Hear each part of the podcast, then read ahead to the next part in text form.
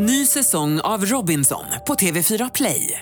Hetta, storm, hunger. Det har hela tiden varit en kamp. Nu är det blod och tårar. Fan händer just nu. Det. är Detta är inte okej. Robinson 2024, nu fucking kör vi! Streama söndag på TV4 Play. Vart tar alla vackra flickor vägen? Och var kommer alla fula lea kärringar ifrån? Hallå, hallå, Göteborg anropar Ann Heberlein. Ja. Är du där? Ja, jag sitter här i Borby och tittar ut eh, på en öde gata. För att nu har sommargästerna åkt hem så nu är det bara hemtjänstpersonal och eh, hundägare som rör sig ute tidigt om morgonen och sent om kvällen. Det är lugnt och tryggt då förhoppningsvis. Ja, både och. Alltså jag är sjukt mörkrädd så mina hundpromenader på kvällarna nu är väldigt beskurna. För det är, också, det är det här riktiga ålamörkret här nu. Det har kommit väldigt Ja. snabbt. Men det är det där jag bor också ju, vid, vid när det väl blir den tiden på året. Så då när jag ska gå ut sent på kvällen och gå en promenad, då går jag liksom bara runt i vår, våra gator här i mycket begränsad cirkel. Jag säga, jag, de, håller på, de håller på att renovera torget här eh, i centrala Borby. Eh, och där ska de sätta upp eh, rejält med belysning. Annars kan jag avslöja att här är inte så många gatlampor i den här byn. Så jag tänkte Nej. att jag får gå där varv på varv tills jag får mina 10 000 steg helt enkelt. Ja, så kommer ja, min ja, vinter se ut. ja, men då är det tur att vi emellanåt kan lätta på trycket här i söndagsskolan och eh, både fördjupa oss och irritera oss. Så vi börjar väl med det sistnämnda. Ja, vi får väl börja med irritationen. Ja, Det tycker jag. eh, är det du eller jag? Jag tror att du, du kan börja irritera dig idag faktiskt. Ja, men då, då jag går igång direkt. Ja. För att det är ju så här, man går någon enstaka gång, det är inte så ofta nu för tiden när allt har blivit så dyrt, så besöker man en restaurang. Ja, Och det är ju väldigt roligt och, och njutfullt. ända tills man ska betala. Ja, ända tills man ska betala. Men glädjen kan, glädjen kan också eh, tas, berövas en om man hamnar på ett ställe som har det här konstiga upplägget av att maten alltid ska delas, alltså att rätter ska delas mellan Ja. gästerna. Ja, Och just det, det. Alltså, jag är otroligt irriterad på detta. Eh, det, det är inte en ny trend, den är mycket gammal egentligen. Alltså jag skulle säga att den började poppa upp redan så här eh, kring millennieskiftet. Då var det lite så här fräckt att säga vi har små rätter. Så vi tänker er att ni ska beställa tre till sex rätter istället och dela kanske på dem och smaka lite och så. Ja. Men sen har, och, och sen har ju det där liksom accelererat och spridit sig så att även väldigt, skulle jag säga, flotta restauranger har det här konceptet idag att man då förväntas beställa mycket, mycket dyrare så att säga eh, rätter på menyn och sen ska man då dela med de två eller tre eller fyra man sitter med. Och jag är emot detta. Jag tycker inte om det därför att Varför? Varför? varför? Jo, därför att jag vill själv bestämma vad jag ska äta. Jag vill inte dela med någon. Jag vill titta på menyn och så se att det där ser jättegott ut. Jag vill ha hela den. Mhm. Det, så vill jag göra. Ja. Och sen så tänker jag så här att jag är ju inte heller expert på den här restaurangens koncept eller meny. Och då är det ju svårt för mig att veta om de då säger så här, ja ni ska dela, välj tre till sex rätter. Ja men vilka passar ihop då? Det vet ju inte jag. Passar vad som helst ihop? Kan jag beställa potatis och potatis till exempel? Ja, om du gillar potatis jättemycket kan du göra det. Ann, du måste vara med mig i irritationen, det är dealen. Ja, jag, jag, alltså jag tycker faktiskt att det är ganska trevligt. Ja. Jag var med, med, med, alla mina barn och någon flickvän också eh, på Ja. en, en italiensk restaurang i Göteborg. Du vet den med en jättestor häst i mitten. Ja, men jag har också varit där. Den Ja. är ju väldigt fin. Den Ja. är fantastiskt fin, men de har exakt det Ja, konceptet. precis. Och då gjorde vi så. Och det blev faktiskt himla trevligt för då åt vi väldigt länge. Och så skulle alla smaka och så hade vi lite att prata om och så. Men jag kan absolut Ja. förstå din irritation. Om man nu själv verkligen är förtjust i risotto, då kanske man vill ha en jättestor skål risotto själv.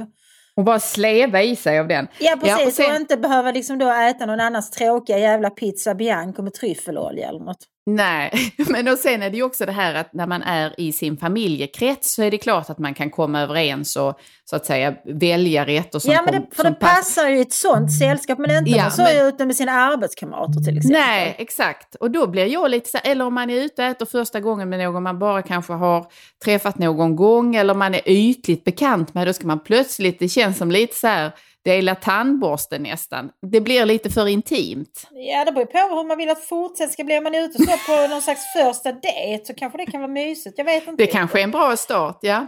Men, men nej, jag, jag är för att man får bestämma själv och att man väljer sin egen rätt och att man får äta upp hela den, eller halva och lämna om man nu inte är nöjd. Då kanske man kan eh, gå in och erbjuda övrigt sällskap att är det någon som vill ha den här, jag kan dela med mig. Men Ja. eh, eh, ändå, ja, Men jag tänker att din irritation handlar om att du vill egentligen bara ha, liksom du har det traditionella restaurangkonceptet. Man får en meny, man väljer det man, för det är ju också lite lyx med att gå på restaurang att alla inte behöver äta samma sak, eller hur? ja Man kan låta sin egen preferens styra. Men jag kan ändå bidra med en liten restaurangirritation. Det är möjligt att jag har irriterat mig på den innan. Men när man kommer till en jävla restaurang man måste ladda ner en app för att boka Ja. och beställa. Det är ju inte Det tar ju, klokt. nej, och det tar ju helt bort liksom glamouren, Ja. lyxen, känslan att det ska appas. Ja, eh, i det sammanhanget. Nej, nej, nej, tack till det också. Men eh, så jag känner nu att det här kommer, ja, att jag har varit så tydlig nu, det här kommer förändra restaurangmarknaden för, fram, framöver. Nu är det slut med detta, så att eh, eh, punkt där. Då, om man då vill vara lite så liksom dela och sitta länge då blir man helt enkelt, nu är man hänvisad till fondue framöver eftersom du nu har pajat detta. Det blir en fondue-revival. Precis. Men det är också mysigt, sitta där och Ja. droppa och ha sig. Ja, Äter man precis. jättemycket. Ja. Du, vad, vad, vad har hemsökt dig under veckan som har gått? Ja, alltså det är ju valrörelse. Det är väl ingen som har missat att nu är vi inne liksom i sporten här på något vis. Och det, Mm. det är väldigt mycket som irriterar mig då måste jag säga. Eh, Mm. Men jag, jag kan väl dra eh, en ur hatten här. Jag Mm. tillhör ju själv Moderaterna. Eh, jag får förtydliga det om det har undgått någon. Jag jobbar för Moderaterna. Jag kandiderar inte till något själv men jag är anställd av Moderaterna. Mm. Och är medlem i Moderaterna och sådär. Och mitt parti har då gått till val på att de är ett, ett regeringsalternativ för att vi kan då få stöd av Sverigedemokraterna, vi kan regera med KD och även då eventuellt Liberalerna, är väl lite oklart hur den relationen ser ut. Men att, liksom att få fram det här att här finns ett stabilt regeringsalternativ eh, medan då andra sidan verkar mest käbbla och bråka. Mm. Och jag tillhör ju dem i mitt parti som har tyckt under ganska lång tid att vi måste kunna prata med SD, vi måste kunna samarbeta med dem. Mm. Men jag förstår, det betyder inte att man ska lägga sig platt. Därför det faktum att Moderaterna vill samarbeta med SD, det är ju inte detsamma som att de måste sitta i SDs knä. För nu tycker Nej. jag liksom att Sverigedemokraterna kommer med förslag som är så jävla korkade och dumma. Och då tycker jag att man faktiskt kan bedriva lite opposition mot det också.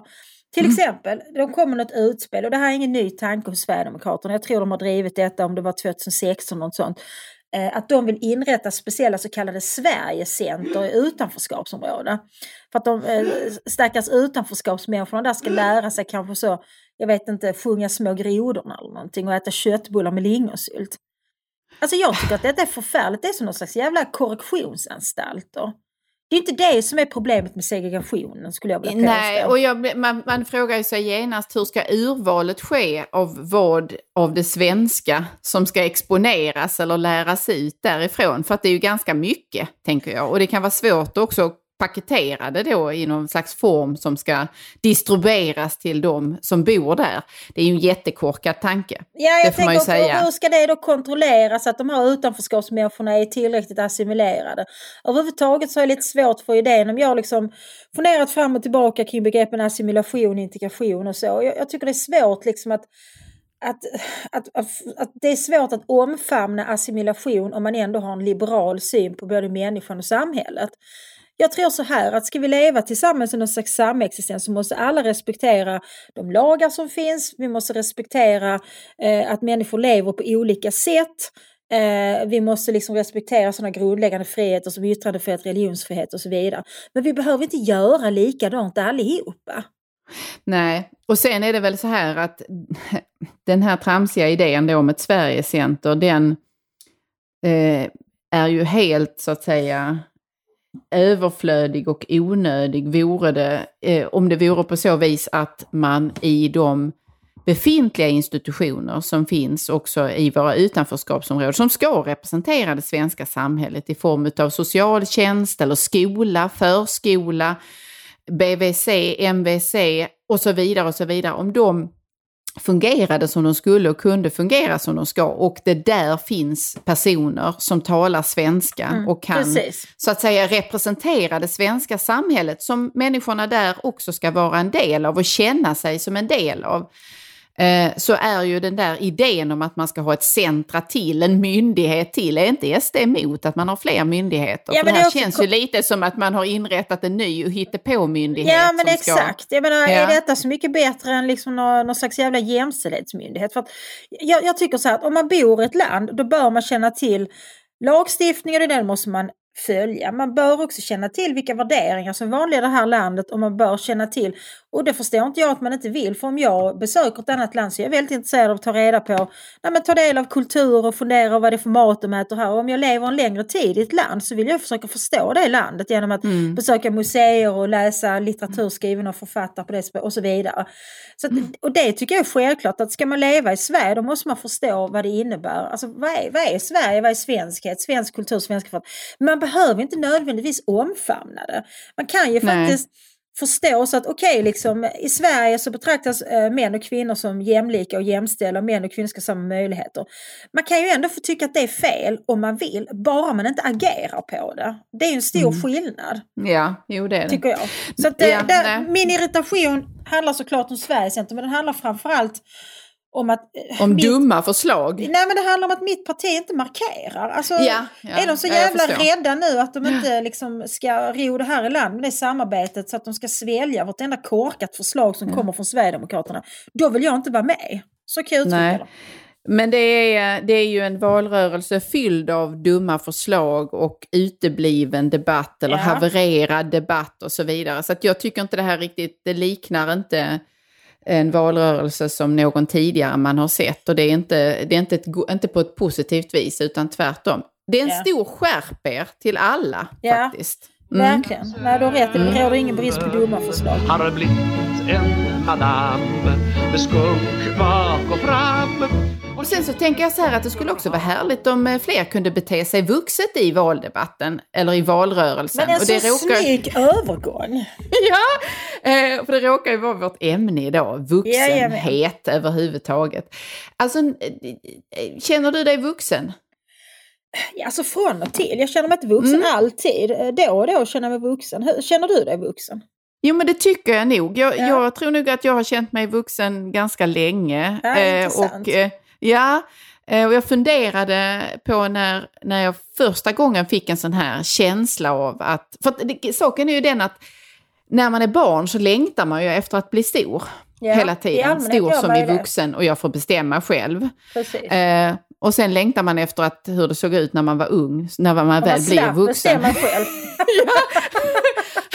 Men jag kan minnas att jag hade, eh, jag hade en liten förmåga när jag var eh, liksom, så begynnande tonår. Att jag kunde då på ett skickligt sätt ibland förställa rösten och låta väldigt vuxen om jag ringde någon eller något liknande. Aha, Så att jag kunde då passera som vore jag en förälder eller någon med, med så att säga en vuxen status. Mm. Och det öppnade ju en del dörrar. I Ja, saker man, ja, ja, ja.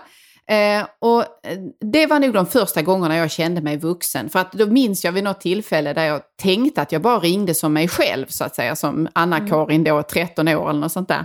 Eh, men i efterhand så omtalades detta som att ja, men jag talade med, med föräldern det eller det och sådär och så trodde de att jag hade varit det. Och då Aha. tänkte jag, aha, detta är saker man kan uppnå om man passerar som vuxen. Ja, ja. Fast det Ja. var ju ändå, för nu, nu vill jag inte ta ifrån dig din känsla här Anna-Karin, men det var ju bara en illusion av att vara vuxen. Ja, men jag tror att alltså, bi, äm, vad som är lockelsen i att vara vuxen, för Ja. det är där jag började någonstans, Ja, när man precis. inte är det. Ja. Den, det, där, även om det bara var en illusion så fick jag liksom någon slags förnimmelse av, en känsla av att detta är på gång, detta är snart någonting jag kan så att säga bärga, jag är snart vuxen. Ja. Och jag längtade då, eller strävade dit.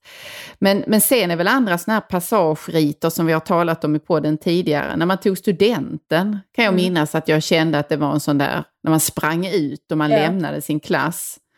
Och givetvis att, att bli myndig, ta körkort. Är det inte Ja. sådana passageriter du känner, kommer ihåg också?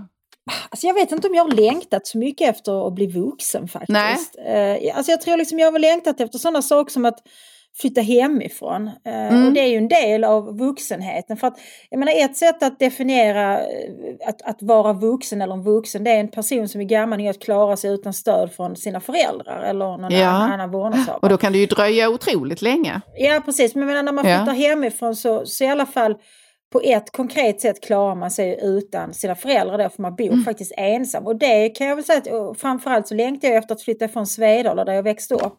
Jag ville Mm. flytta till en större stad. Men, men sen har jag kanske inte direkt längtat så mycket efter vuxenlivet på det sättet. Och inte känt mig, jag tror inte jag känner mig vuxen när jag tog studenten. Jag, jag vet, jag, jag ska säga, jag tror att jag känner mig väldigt vuxen när jag började lämna mina barn på dagis.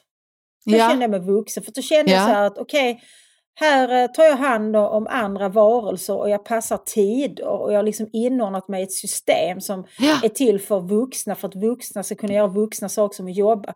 Nu jobbar ju inte jag utan jag, jag läser på universitetet. Ja, men jag minns det när jag cyklade med mina barn, eh, då bodde jag i Lund och så hade jag en sån här cykelkärra där båda ungarna satt och jag cyklade med dem, tungt var det också.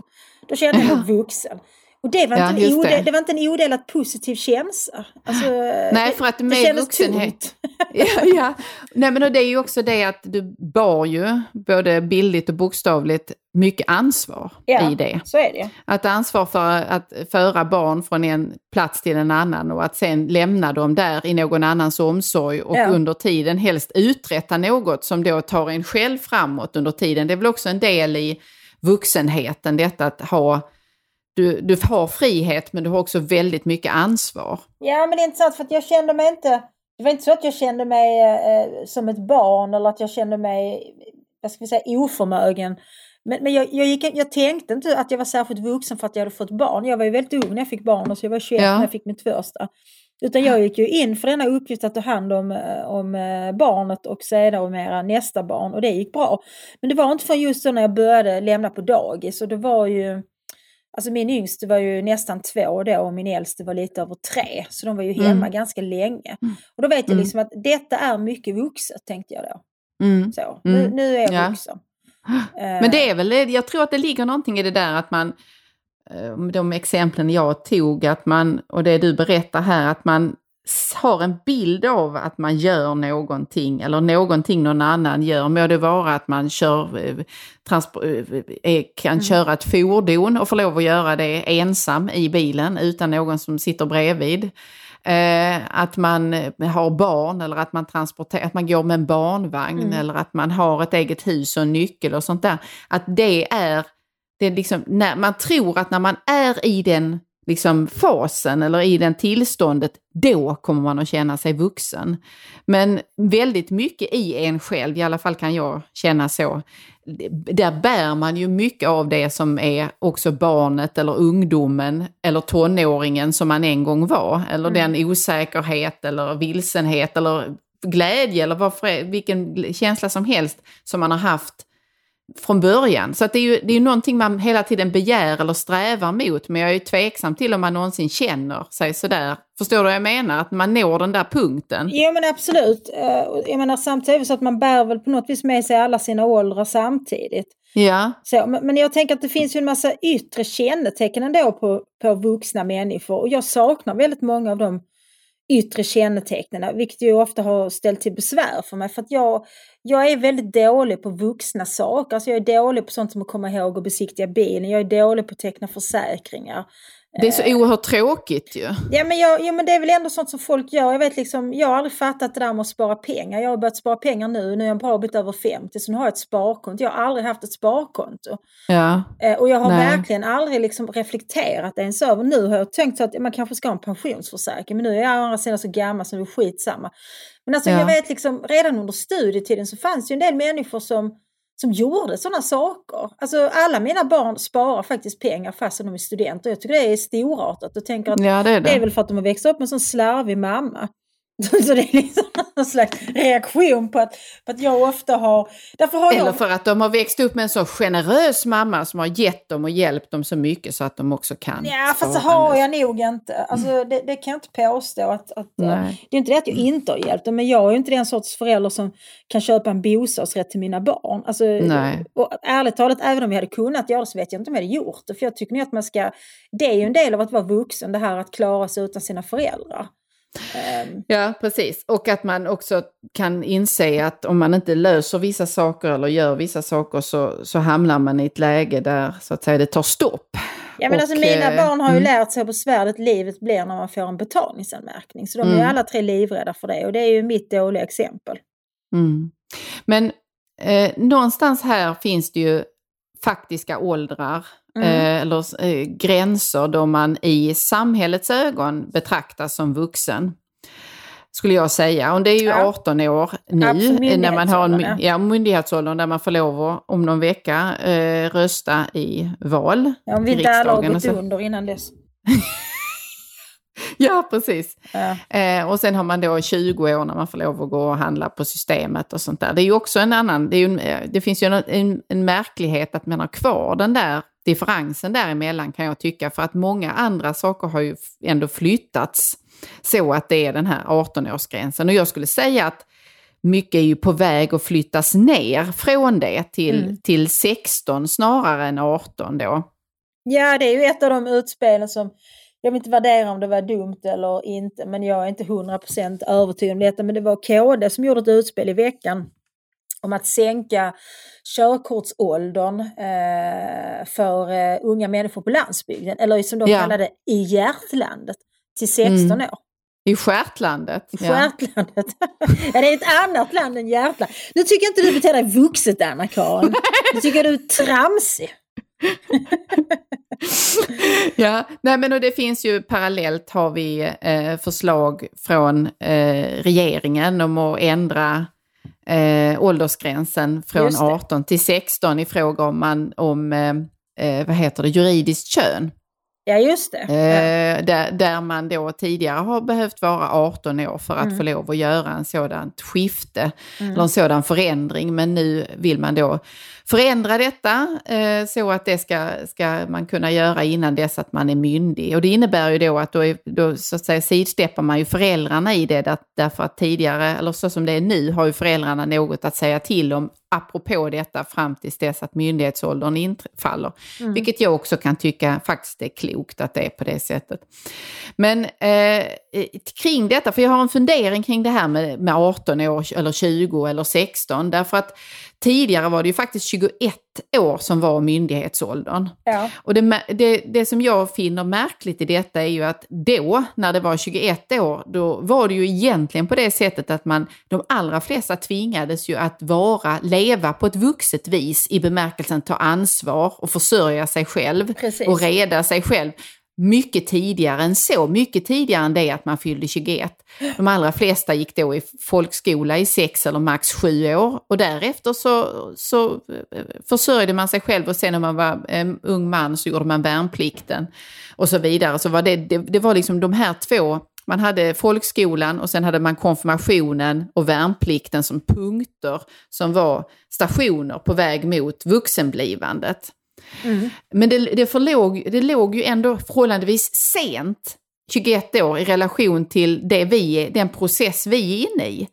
Samtidigt som, som folk beter sig ju inte vuxet i den utsträckningen som jag tycker Nej, att man... Så, nej, men- jag har en... Ja, Mm. förlåt. Jag fortsätter. Nej, men det finns något konstig konflikt, eller det är en motsägelse här på något sätt, där vi har en, en ungdom som bara sträcker ut sig framåt i livet, samtidigt som man får göra, man får ta väldigt eh, avgörande beslut allt tidigare. Ja, alltså på många sätt så känns det som att människor blir vuxna allt senare. Eh, om vi med vuxen menar att man just försörjer sig själv och kan hantera sitt liv utan stöd från sina föräldrar och kan sköta ett jobb, typ passa klockslag och sånt. Sånt har jag aldrig haft svårt för. När jag nu säger att jag inte är så bra på vuxen så just de sakerna är jag mycket bra Ja. på att komma i tid och vara plikttrogen och, och göra det som jag har åtagit mig och så vidare. Jag är mer dålig liksom att vara vuxen i mitt privatliv kan man säga. Men det är också intressant för att ett nytt begrepp har ju har tillkommit. Idag så talar man ju ofta om unga vuxna. Så att först är Ja. man ju då, ja men först är man ju spädbarn och sen så är man väl småbarn och sen är man skolbarn och sen så blir man tonåring och då är man det ju. Men man kan ju inte riktigt med att säga att folk är tonåring efter 20. Men man tycker inte heller att folk är vuxna tydligen när de är 20. Så då är de de här unga vuxna och det tror jag att man Mm. är ända till man är 30 typ. Mm. Och det tycker Ja, jag också är precis. lite märkligt, eh, alltså det blir så flytande allting.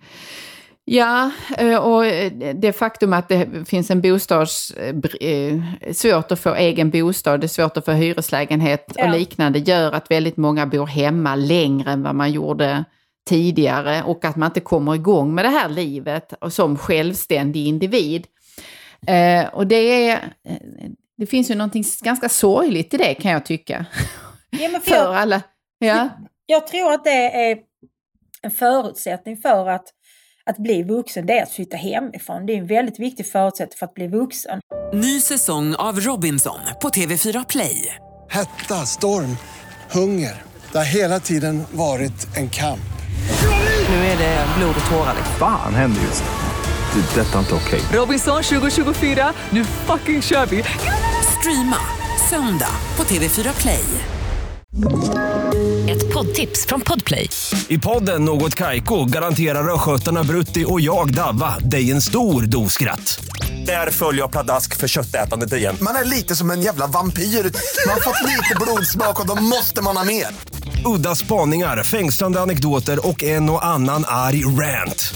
Jag måste ha mitt kaffe på morgonen för annars är jag ingen trevlig människa. Då är du ingen trevlig människa, punkt. Något Kaiko, hör du på Podplay. Därför är gardinerna.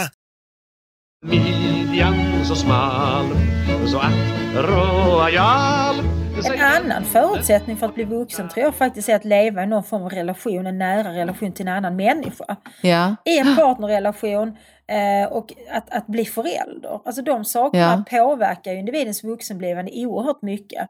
Jag har en del bekanta som, alltså som har levt ensamma större delen av livet och de präglas av en, en viss form av självupptagenhet och en, en oförmåga att anpassa sig efter andra människor som, som jag tycker är ganska barnslig. Jag- Jag tror att vi pratade om den här moderskapsdebatten kanske förra gången också, jag minns inte, har nog pratat om den en annan gång, eller sen när vi har pratat och inte spelat in, för det gör vi ibland också jag avslöja. ja, det händer, Men- men det händer. För att den Ja. här moderskapsdebatten är så intressant. För att de här människorna som tycker det är så oerhört jobbigt att, att vara föräldrar och de här som ångrar sina barn. Det handlar, tycker jag, i så stor utsträckning om att de inte klarar av att, att ge avkall på sina egna rätt så barnsliga behov. Utan Mm. att de står så mycket i centrum. För det, det som händer när man får ett barn det är att man själv inte står i centrum längre. Och om man ska ha en fungerande relation till en annan vuxen människa så måste man också inse att okej, det kan inte bara vara jag och mina önskningar hela tiden utan här måste jag samarbeta, här måste jag vara lyhörd. Så jag tror faktiskt att andra människor är avgörande för individens vuxenblivande.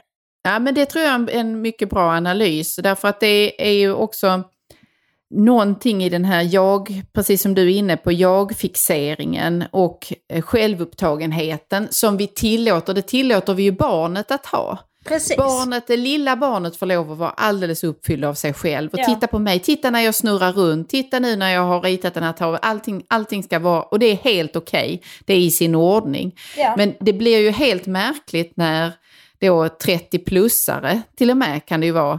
eh, Ännu äldre skulle- kan jag avslöja utan att nämna några namn. Nej, men jag tänkte på den här, på, på eh, vittnesmålen inifrån eh, då det trista moderskapet som en hel del skriver om, där man blir uttråkad Ja, ja, och så ja, vidare. precis.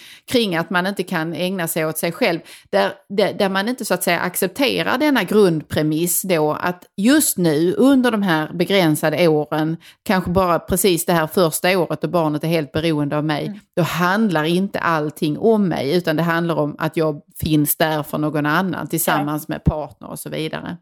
Och det är ju en, egentligen en omognad, skulle jag säga. Alltså en brist på vuxenhet, en brist på mognad som tillåt, gör att man tillåter sig själv att uttrycka den här typen Mm. av barnslig självfixering.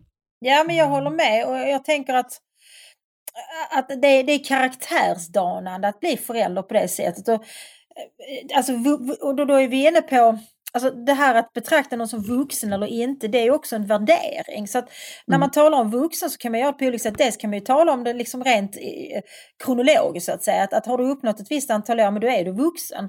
Eller Ja. så kan man tala om det i en juridisk mening som vi har gjort, att när du är vuxen får du göra de här sakerna. Vi satt den här Mm. åldersgränsen, så nu betraktas Mm. du som vuxen. Men det är också en, en kulturell idé kring vad vuxen är. Man pratar om vuxenpoäng och vad den vuxna i rummen, rummet. Och sen så är det ju då också liksom ett, ett, ett omdöme om någons karaktär. Så att vara vuxen är ju i någon mening också en dygd eller en moralisk egenskap kanske. Mm. Mm. Om du förstår Ja, precis. efter. Jo, exakt. Och där, är- det är väl där jag tänker att det eh, korrelerar med grad av mognad. Eh, att man är mogen, så att säga. Alltså att man är, och det var ju, och det kan man ju också använda som en, ned, någonting nedsättande, kan jag minnas i alla fall. Det var ju moget sagt, vad, vad mogen du är, eller hur? Ja. Det kan jag säga, när du säger sådana stjärtland kan jag säga så moget Anna-Karin, verkligen. ja, ja, precis. Men jag funderar också på en annan form, ett annat uttryck i samtiden som jag skulle vilja hävda att det är apropå frånvaro av vuxenhet eller frånvaro av mognad. Och det är, vi har ju en trend kopplat till våra unga studenter, alls icke alla, men det finns ju en tendens att eh, unga människor uttrycker att de känner obehag eller blir illa till mods eller blir kränkta till och med av att få berättat saker för sig, läsa texter som kan innehålla hemska skildringar eller ord som man inte längre har i bruk eller eh, berättelser om eh, våld eller övergrepp eller något liknande som helt enkelt är, bes- ja, det är besvärligt att läsa det för att det är svår text. Men då vill man, eh, så att säga, man, som ung student då så hävdar man att detta vill jag inte ta del av eh, utan jag vill så att säga bli skyddad från detta. Jag vill att det ska vara ett tryggt rum. Och för mig är det ett uttryck för samma fenomen som vi berörde tidigare, nämligen att man, man vill inte göra den här transitionen över till där verkligheten faktiskt ibland ter sig ganska grym och skoningslös. Och jag måste ibland konfronteras med det, utan jag vill som barnet fortsätta bli skyddad från det hemska och det onda och det fula. Och det är en märklighet att vuxenvärlden då, alltså det som ska vara det mo- den Ja. mogna, svarar på detta med att så att säga hjälpa till och hålla upp kuddar och sätta upp bomull och liknande. Så att, eh, Har de här unga människorna blivit för skonade? För att jag har faktiskt aldrig betett mig på det sättet själv men, men jag förstår att en del föräldrar de låter inte sina barn lyssna på eller se på nyheterna till exempel för att det kan vara obehagligt. Det är mm, klart att man behöver inte, liksom, men en treåring fattar ju ingenting. Men, men mina barn har alltid lyssnat eller sett på nyheterna men då har ju jag varit med och så har jag kunnat förklara om det var någonting som är oklart eller konstigt eller obehagligt och så. Men, men en Mm. del, och samma som att en del föräldrar vill ju inte heller utsätta sina barn på, för kritik utan utan tycker att allting de gör är jättebra. Det kan man ju se konsekvenserna i sådana program som Idol till exempel, när det kommer tondöva människor som säger Men mina föräldrar säger att jag är jätteduktig på att sjunga. Man bara känner så att, ja men lille vän, de ljög. Eh, men, men att det finns föräldrar som fortsätter att ljuga. Jag menar, det är klart att de är fyra år, kommer med en teckning så säger man så du det blir nog aldrig någon Picasso av det. Utan då säger man, oh, vad duktig du är. Men, men man kanske inte fortsätter med det. Alltså, men så finns det Nej. nog de som gör det och förr eller senare måste man nog inse att världen är en, en hård och hemsk plats. Inte bara, Ja. men den är ju Mm. det också. Alltså, det, det förändras ju inte för att man själv inte ser det. Det måste man ju Nej. förstå när man är vuxen. Absolut. Jo, jo nej, men och jag tycker att det är ett enormt ja, svek, kanske ett för starkt ord, men eh, jag tycker det är eh, oerhört slagt av vuxenvärlden, i detta fallet då akademin eller utbildningsinstitutioner, att inte kunna stå upp och säga att det här är texter vi kan hantera och vi kommer så att säga hjälpa er att navigera i dem, men vi hjälper ingen genom att ta bort dem eller skona er från att läsa om företeelser eller litteratur som, som kan berätta någonting om vad det är att vara människa. Ja, men det är märkligt att man ska behöva förklara det för, för vuxna människor. För man får väl ändå betrakta, men jag antar att studenter då är att definiera kanske som unga vuxna, de flesta av dem. Ja, precis. Och sen så igen, det här är ju inte alls alla. Men Nej. tyvärr tenderar ju då de som är rädda för detta att vara ganska högljudda. Eh, och, och, och det kanske de får lov att vara, men jag tycker nog att då universitetet skulle kunna bete sig vuxet tillbaka och säga att nej, det här är en utbildningsinstitution. Där, där pratar vi också om svåra ting. Absolut. Eh. Men jag tänker liksom det här med att vara vuxen är också förknippad med att man kanske ska föra sig med en viss värdighet. Ja, Att, liksom att man ska bete sig vuxet. Jag, jag har tänkt lite på det i relation till den här diskussionen om Sanna Marin eh, och hennes våldsamma festande. mm. Jag kommer tänka på när du nämnde begreppet trygga rum. Därför att jag tycker nog personligen att ja, men hon kan väl få festa om hon vill men hon borde göra det i ett tryggt rum vilket innebär att ingen filmar det. Därför Mm. jag kan ändå liksom delvis förstå de indignerade reaktionerna. Jag är inte sådär så jag tycker, men oh en sån härlig eh, frisk fläkt och underbart att hon festar. Jag, jag tycker nog att man också måste vara vuxen sin uppgift. Eh, oavsett om man då är liksom eh, statsminister eller om man är lärare eller vad man nu är så tycker jag att ja. den uppgift man har för ju också med sig en viss typ av ansvarstagande. Eh, som Så- ofta involverar det här att vara vuxen. Ja, precis, så är det. Men där, där tycker jag vi kommer in på en annan aspekt av, Mm. eller en möjlig skiljelinje i vad det är att vara vuxen för olika personer. Därför Ja. att här finns ju en lurande genusdimension i detta och Ja, i reaktionerna på. Sanna Marin, tänker jag. Eh, där man kan se i vissa av dem, jag säger inte att det ligger i din, för jag förstår vad du menar, men i vissa av reaktionerna på henne så handlar det också om då att hon är en förhållandevis ung kvinna i den ämbete eller i den post hon uppbär.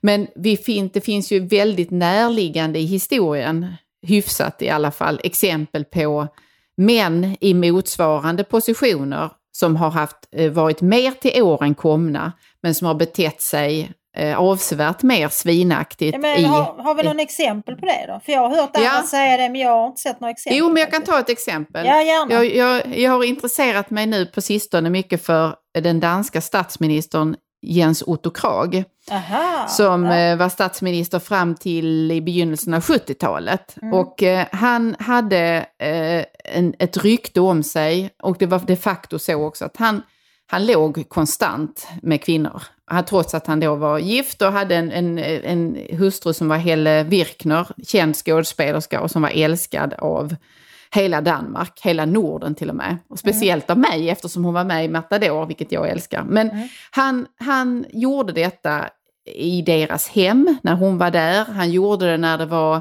statsbesök. Han gjorde det framförallt också eh, på Harpsund när Tage Erlander hade bjudit in honom och en massa andra prominenta personer eh, på middag. Då försvann han iväg med en av eh, direktörernas hustru Jaha. och eh, eh, förlustade sig med henne. Var på Tage Erlander, och där tycker jag heder åt honom i efterhand, reagerade med, med extrem vrede och gav Jens Otto Krag, vad man säger på danska, en skurbäle. Alltså han gav honom en rejäl utskällning Ja. för detta beteende. Men där, där, och här kommer min kritik som har med genus att göra, att delvis skyddade ju då eh, omgivningen honom, för, för, alltså eh, skyddade hans rykte så att detta inte kom ut. Det är ju först nu, så många år efter, eller när Helle Virkner skrev sin självbiografi, eller sina memoarer, som detta sipprade ut och det blev, kom till allmän kännedom. Jo men alltså det är ju där din jämförelse inte riktigt håller Anna-Karin. Därför att det är ju säkert så att politiker och andra har betett sig liksom på diverse omogna och självupptagna och frånstötande sätt alltid. Men så Mm. länge inte allmänheten vet det så kan vi ju inte reagera nu har detta, och jag kan inte påminna mig att jag har sett bilder på manliga politiker som festar på det sätt som Sanna Marin gör någonsin faktiskt. Och det är det som är den stora skillnaden. Sen att hon har det dåliga omdömet att vara kompis med vänner som filmar och fotar henne och lägger ut det i sociala medier. Det är också eh, liksom någon slags underbetyg åt henne. För vill hon festa på det viset och vill den här Krage liksom eh, knulla med andra kvinnor så låt honom göra det så länge det inte kommer ut. Det har inte jag några synpunkter på. Men, men liksom, det, det, det, så jag tycker det, för att det ska vara jämförbart så måste det ändå vara någonting som människor känner till. För att hon berättar detta, hans hustru, liksom flera decennier efteråt. Ja, alltså det, jag, nu vågar inte jag säga någonting för att de sista gångerna vi har poddat så är det folk som har blivit arga för att jag har sagt fel. Men det var väl så. Ja, men- men- jag, jag är så jävla trött nu för att jag jobbar dygnet runt i valrörelsen. Men Mm. visst var det så att vi hade en socialdemokratisk statsminister, må det ha varit Albi, Per Albin Hansson eller vad fan det var, som hade två familjer. Ja, ja det hade han. Precis. Precis. Ja. Ja, förlåt mig nu om jag säger fel statsminister. Eh, jag Nej, men det var. Per Albin Hansson. Och, Precis. eh, eh, det var ju också en sån där, för att det, för att nyansera det jag säger, eller Ja. säga varför jag tycker att det är ett jämförbart exempel. Min poäng är att partiet där arbetade aktivt, både i Jens Otto Krags fall och Mm. Per Albin Hanssons, för att man inte, detta inte skulle komma ut eller för att och medierna skrev inte om det trots att de visste och där Helle Virkner flera gånger adresserade media för att de skulle skriva om vad som då föregick och så att hon så småningom skulle kunna komma ut ur det här äktenskapet. Och då, då är min poäng att där skyddade man då honom så att säga, eller man skyddade ämbetet eh, Jo, på ett sätt som är, är eh, Ja men alltså jag förstår din poäng och jag tror det ligger en del i det att, att man betraktar mäns och kvinnors beteende på olika sätt. Men i det här fallet, det är ju inte hennes partikamrater som har läckt detta. Alltså vi vet ju inte hur mycket Sanna Marin har festat hittills. Ah, Mm. Hennes säkerhetsvakter har ju sett detta under hela hennes tid som eh, statsminister såklart. Och det finns säkert Mm. andra också. Så det är ju någon helt utomstående som angligen på grund av idioti inte fattar vilken skada det gör henne. Nej, precis. Nej, där håller jag med dig. Så- det, och det är ju, det, det är ju så- dåligt. so- sociala medier har ju förändrat spelplanen. Och just därför så måste man ju som offentlig person vara ännu mer försiktig. Och det här Och därför- jag säger nu är väldigt tråkigt men eftersom du faktiskt har rätt i det du säger att det finns andra förväntningar på kvinnor. Alla kvinnor vet det. Och då kanske Mm. man måste, även om man inte vill, så kanske man ändå måste vara ännu lite försiktigare. Förstår du vad jag menar? Mm, mm, mm. Om man Ja, det- inte det- vill vara liksom normbrytaren som ändrar spelplanen. Själv hade Nej, inte men jag, det- att jag beredd att gå i graven för att eh, liksom, folk ska få vara fulla och dansa på... Alltså jag vet inte, jag kan inte säga att det är en jätteviktig sak. Som sagt, var full som du vill och dansa och snorta till och med. Men låt inte dina väljare se det. Så tycker jag. Det är inte vuxet. Det är löjligt att bete sig som en tonåring. Det är barnsligt. Har blivit en madam med skunk bak och fram Men och här är det väl, här är en aspekt, alltså om vi fortsätter den här genusaspekten, Ja. ut, inte är kvar i politiken, men mer generellt så funderar jag nämligen på om det är så att det finns, precis som du sa, det finns olika förväntningar på män och kvinnor och Mm. att det där i också kopplat till vem, vem som så att säga bär ett barn och föder ett barn och så vidare. Ja, och eh, där, där det då också slår till olika eh, så att säga, förväntningar och helt enkelt att man blir tvungen att bli vuxen eller man blir tvungen Mm. att göra, välja vissa saker och välja bort annat. Medan då eh, det är lättare att förbli i en, en omogen, lätt ovuxen är för en man. Ja men så är det, men det finns ju till och med ett begrepp för de här männen, alltså där Peter Pan-mannen, alltså man Ja. som aldrig blir vuxen. Det finns Mm. ju inte ens ett sånt begrepp för kvinnor, för vi måste bli vuxna. Nej. Och det, är liksom, det finns ju en annan acceptans för den här charmiga slarven. Honom har jag säkert retat mig på innan i söndagsskolan. För jag är så trött på de männen som fastän de är eh, väl mogna, jag skulle säga övermogna, kommer undan och vara liksom den här härliga snubben, den charmiga slarven. Jag gillar det inte. Ja. Nej, det gör inte jag heller. Jag läste faktiskt så sent som idag en artikel där jag funderade på, är detta möjligen en trend som skulle kunna svara, en, en feminin, en kvinnlig trend då som skulle kunna svara mot den? Ja. Fast, och som också innebär att man håller fast i någon slags barnslighet. Det finns någonting som heter Barbie Core. Har du hört talas om det? Nej, faktiskt inte. Nej, jag inte jag heller nya innan. grejer. Så jag, jag kastade mig över artikeln genast. Det är en trend Mhm. som innebär att man klär ut sig i otroligt rosa, knallrosa helst ska det vara, material. Glittrigt, plastigt, Oj. flickigt. Eh, det ska vara liksom en liten pytte, pyttehandväska. Gärna att man visar magen, har en magtröja, lösögonfransar. Alltså man klär ut sig till Barbie. Ja, ja. Eh, och jag tyckte att det här, det, det är märkligt därför att det är två trender på samma gång. Å ena sidan är ju Barbie en docka som ser ut som, det är ju inte en bebisdocka utan hon är ju en vuxen kvinna. ja. Eh, eh, Med mycket och- och när- smal midja. Mycket smal midja och så lite så här, hon är väldigt chic på alla sätt och vis. Men Barbie, det, ju, det var ju det speciella med när hon kom som docka, att det var just en vuxen kvinna. Ja. Samtidigt som det då är här i trenden så är det vuxna kvinnor som klär ut sig och liksom gör, regredierar på något sätt till ett flickstadium. Trots att de då är mogna kvinnor, vuxna kvinnor, yrkeskvinnor. Så regredierar de till en Barbie-version av sig själva där de då klär ut sig som vore de fortfarande tonåringar. Ja. Och det, det, jag tycker det är ytterligt märkligt och jag förstår inte det riktigt faktiskt. Men Måste jag är säga. det, alltså jag tror ändå att du, du gör ju en analys där i början för att det är ju någon slags flykt från vuxenskapet. Mm, Eller hur? Precis, ja. Ja, har du läst eh, Otessa Moshfeghs Ett år av vila och avkoppling? Nej, det har jag inte. Eh, Berätta. Det här, det här är liksom en kultbok. Det var faktiskt min dotter som gav den till mig för att eh, hon har läst den och massa eh, kvinnor i hennes ålder, typ runt 20, läser den. Det är en internationell bestseller det här. Men den här Otessa Moshfegh har skrivit en bok som handlar om en ung kvinna. Eh, på baksidan beskrivs att hon har allt. Hon är ung, snygg, smal. Hon är nyutexaminerad från Colombia, lever på ett stort arv och har en lägenhet på Manhattan. Bla bla bla. Men hon bara blir så jävla less på allting den här. Hon är väl så eh, 25 någonting. Så hon bestämmer sig för att bara skita i allt och så drogar hon ner sig på psykofarmaka. Och tillbringar ett år i sin lägenhet mer eller mindre som en grönsak. Och, jag tycker det är så intressant att den här boken har alltså lästs av många hundratals unga kvinnor som dyrkar den här Ah. författaren.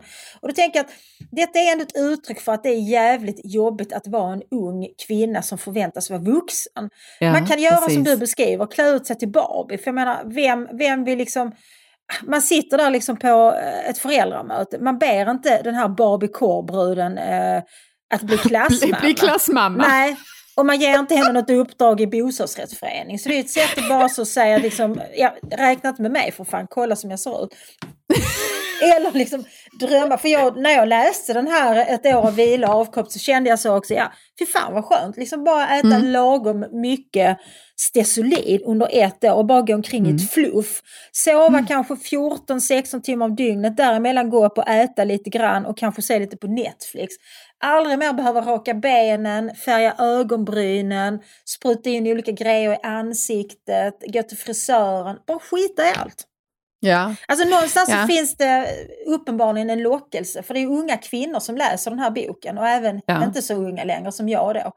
Men, Nej. eh, men jag tror att kärnan i både detta och det här Barbie Core som du beskriver, det är en Ja. flykt från, från eh, vuxenskapet. Eller Ja, liksom- just det. Ja. Man orkar Jo, inte. exakt. Och att man, att man leker med roller också, att Ja, man ja. flyr in i en sant. annan roll. Jo, Ja. precis.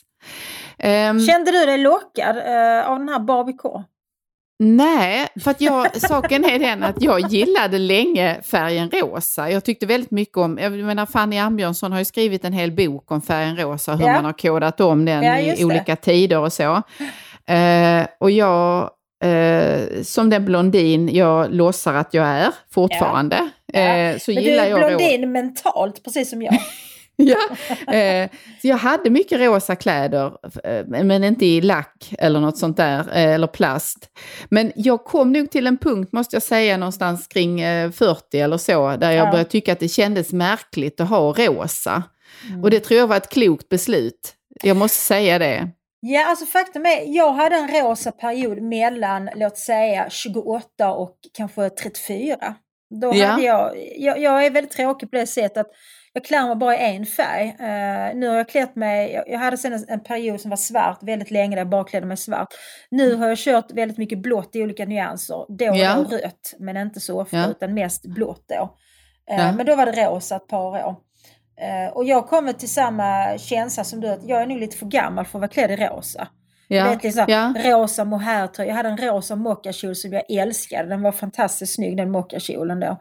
Eh, men Ja. häromdagen så övervägde jag faktiskt att köpa en rosa klänning. Ja, det Jag finns ju olika nyanser. Ja, alltså, jag, jag fuchsia här... till exempel är ju fin tycker jag. Ja, nej det klär inte jag. Jag hade den här liksom puderrosa, ganska liksom babyrosa. Ja, jag förstår. Gammelrosa.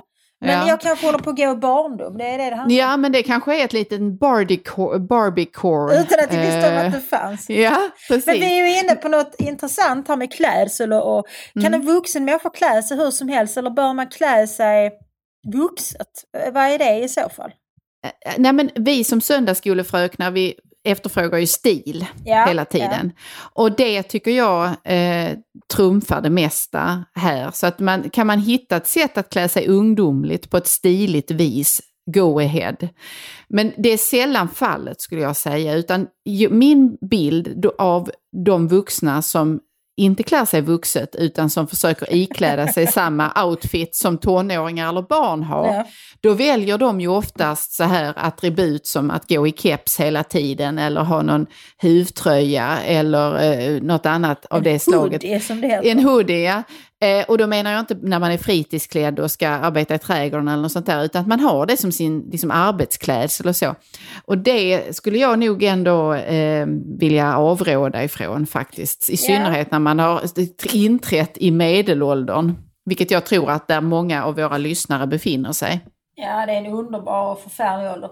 Men jag tänker liksom att, nu tänker jag på Judith Butler och hennes idé om, om liksom eh, performativa Performant, kön. ja. Mm. Precis, när, när könet är något som man ikläder sig också. Och så Mm. är det ju faktiskt med, med vuxenskapet också, att man ikläder sig också rollen av att vara vuxen, eller hur? Ja, ja det gör man. Genom eh, klädsel och maner och hur man talar och hur man står och så vidare.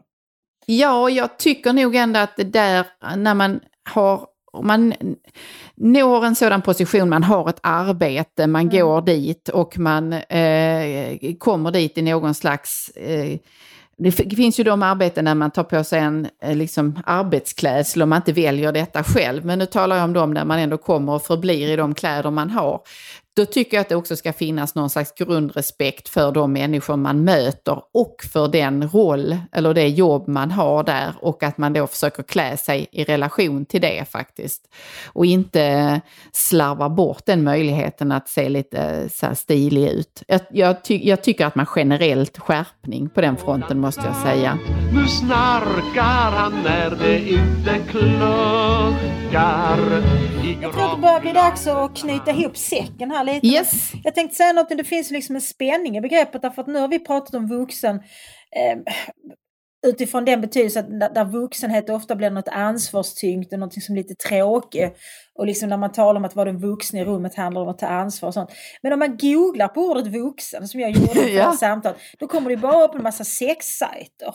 Och Då då är ju- blir det en massa då- produkter man kan köpa Ja, för precis. att... eh, för att då eh, leka vuxenlekar. Så Ja, det ja. finns ju en spänning i detta att vuxen dels är det här allvarstyngda, seriösa, eh, ta ansvar och samtidigt är vuxen då tillträde till allt det här som kan vara spännande eh, och Mm, gränslöst på olika mm. sätt. Så eh, det kan man ta med sig också.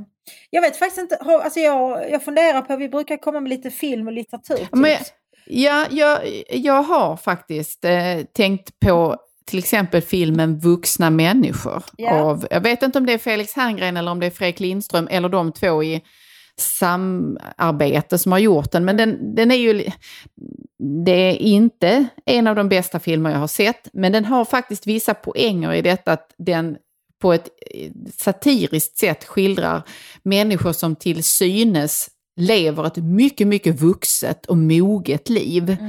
Eh, med allt det yttre som, som då liksom man ska ha om man är vuxen. Och de ser ordnade och städade ut, och ordentliga jobb och så vidare. Men sen ballar det liksom ur och så beter de sig på ett extremt ovuxet vis och, och går på, gör sådär som barn gör, handlar på impuls, agerar på impuls och ställer till det och rör till hela sin tillvaro.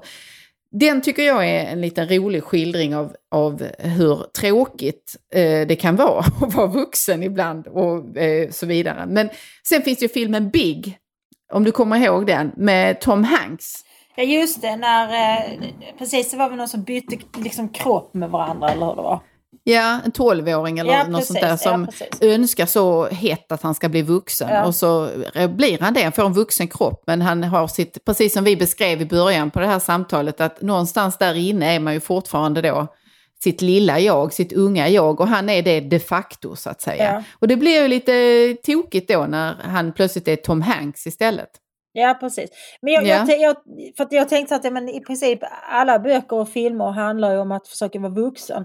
Eh, men sen Mm. tänkte jag också just på, på den här vuxna människan för att det som är lite kul med den eller som jag fastnar för just det här sammanhanget det är ju att den skildrar ändå den känsla som jag tror många går omkring med att man är en bluff. Alltså man låtsas Ja, vara precis. vuxen. Precis, Men egentligen ja. så är man helt oförmögen till allting som man ändå hanterar. Och det Ja. tror jag är en känsla som många lever med. Att förr Ja. eller senare, jag kommer snart bli avslöjad att jag, fan jag har inte koll på detta. Ja, Så att, eh, exakt. det känner jag mycket, mycket ofta kan jag säga. Ska, ska det gå denna gången också? jag tror alla med någon form av självinsikt eh, känner nog det ganska ofta. Ja. Mm. Ja. Ja, men eh, eh, vi stoppar väl där för idag. Och sen nu ska vi ut och bete oss eh, tämligen vuxet i våra Ja, respektive eh, liv, hoppas jag på. Du ska, inte, du ska inte leka vuxenlekar.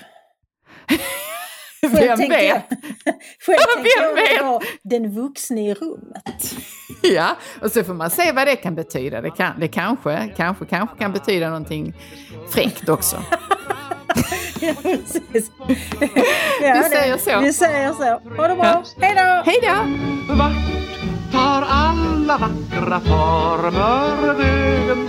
Och var kommer alla hakorna på makorna ifrån? Ny säsong av Robinson på TV4 Play. Hetta, storm, hunger. Det har hela tiden varit en kamp. Nu är det blod och tårar. Fan händer just nu. Det. är Detta är inte okej. Robinson 2024, nu fucking kör vi! Streama söndag på TV4 Play.